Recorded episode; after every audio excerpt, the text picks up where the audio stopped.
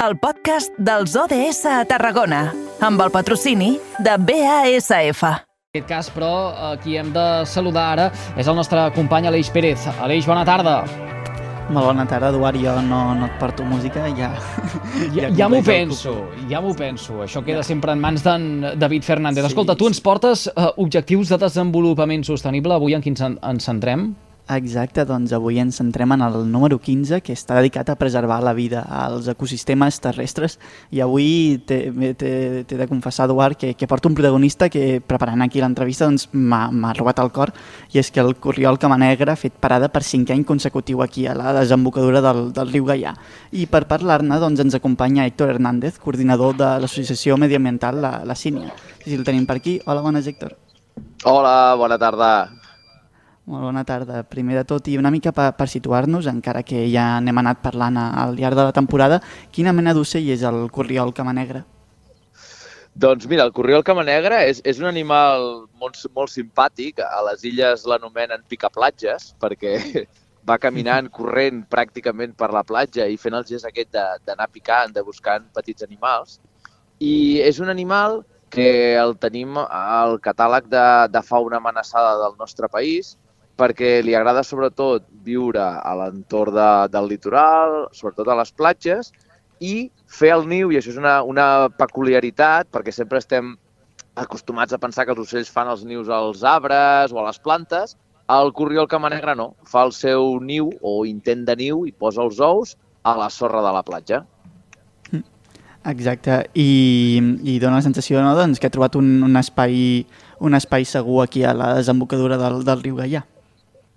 Sí, exacte. Ostres, estem molt contents primer de tot doncs, perquè el corriol camanegra, com dèiem, és una espècie això que està amenaçada, per tant, un animal que, que cal, cal ajudar al màxim perquè doncs, d'algun dia pugui sortir d'aquest catàleg de fauna amenaçada, però sobretot, sobretot, el fet de que un espai que ara fa uns anys era un aparcament il·legal de vehicles que a l'estiu, a ple estiu, doncs hi podien haver mm. més de 250 vehicles aparcats.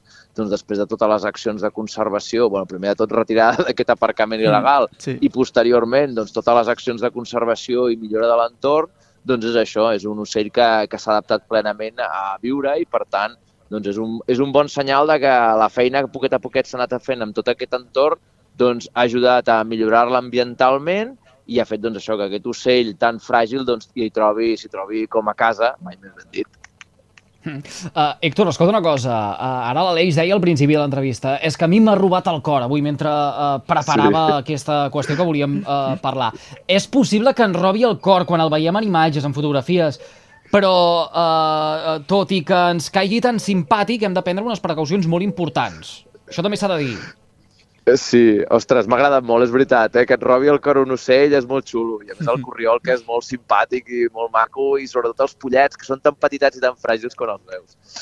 Doncs sí, la veritat és que, igual que, que us he dit, no? el fet de que està molt bé i de que això és casa seva, doncs clar, ha de conviure amb unes certes pressions. Eh, per una banda, doncs, eh, la sobre, a vegades, pressió per culpa d'un excessiu turisme i cal, sobretot, explicar molt bé a la gent que ve de fora, estrangers i de més que ens visiten, doncs cal explicar-los doncs, que, que no entrin dins dels sistemes donars i de més.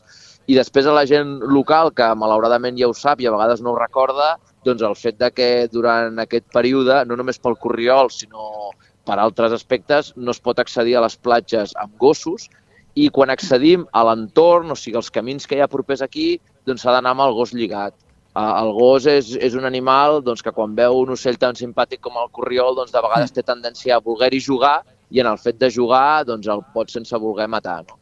I per tant, doncs, segurament ara mateix una de les pressions més fortes que tenen són els gossos i llavors això, doncs, recordar a tots els propietaris d'animals doncs, això, doncs, anar amb molta cura i seguir la normativa vigent en cada moment. Perquè aproximadament una mica han arribat, estan anidant, quant de temps poden estar aquí fins que, fins que tornin a, a marxar? Doncs mira, ara al Corriol han arribat, estan fent ja el seu primer niu, estaran entre 28 i 30 dies com a màxim covant-los i llavors naixeran els pollets. I aquests pollets, doncs, més o menys triguen el mateix. Aproximadament amb un mes de vida ja són capaços d'envolar i, per tant, una miqueta doncs, superats aquests 30 dies els pollets, ja són més o menys autònoms.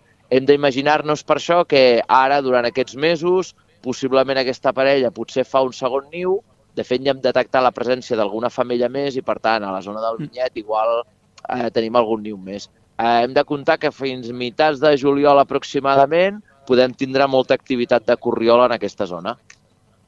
I llavors estem veient que ja estan creant uns automatismes, no? Aquestes aus ja, si arriben per cinquè any consecutiu, també, més enllà de la gran feina de, de voluntariat no? que s'ha fet durant la, la sínia, crec que estan trobant un, uns automatismes i, i cada vegada hi segueixen augmentant la xifra de, de corriols que venen o, o es manté? Sí, Sí, exacte, o sigui, senyal segurament, no? És com quan tu o jo anem a un lloc i ens agrada i tornem, doncs en, el corriol, o sigui, aquesta espècie ha trobat en aquest espai un bon lloc, no? És el que dèiem abans. Poquet a poquet ha anat millorant ambientalment i això ha fet doncs, que aquestes parelles, sobretot cap a la zona de Vilanova i la Geltrú, una baixant com Arruga, Cubelles, els muntanyans de Torre d'Embarra, doncs eren llocs ja que, que doncs, hi ha bastanta, bastants nius, eh, hagin baixat una miqueta més al cap al sud i aquí s'hi hagi trobat molt bé.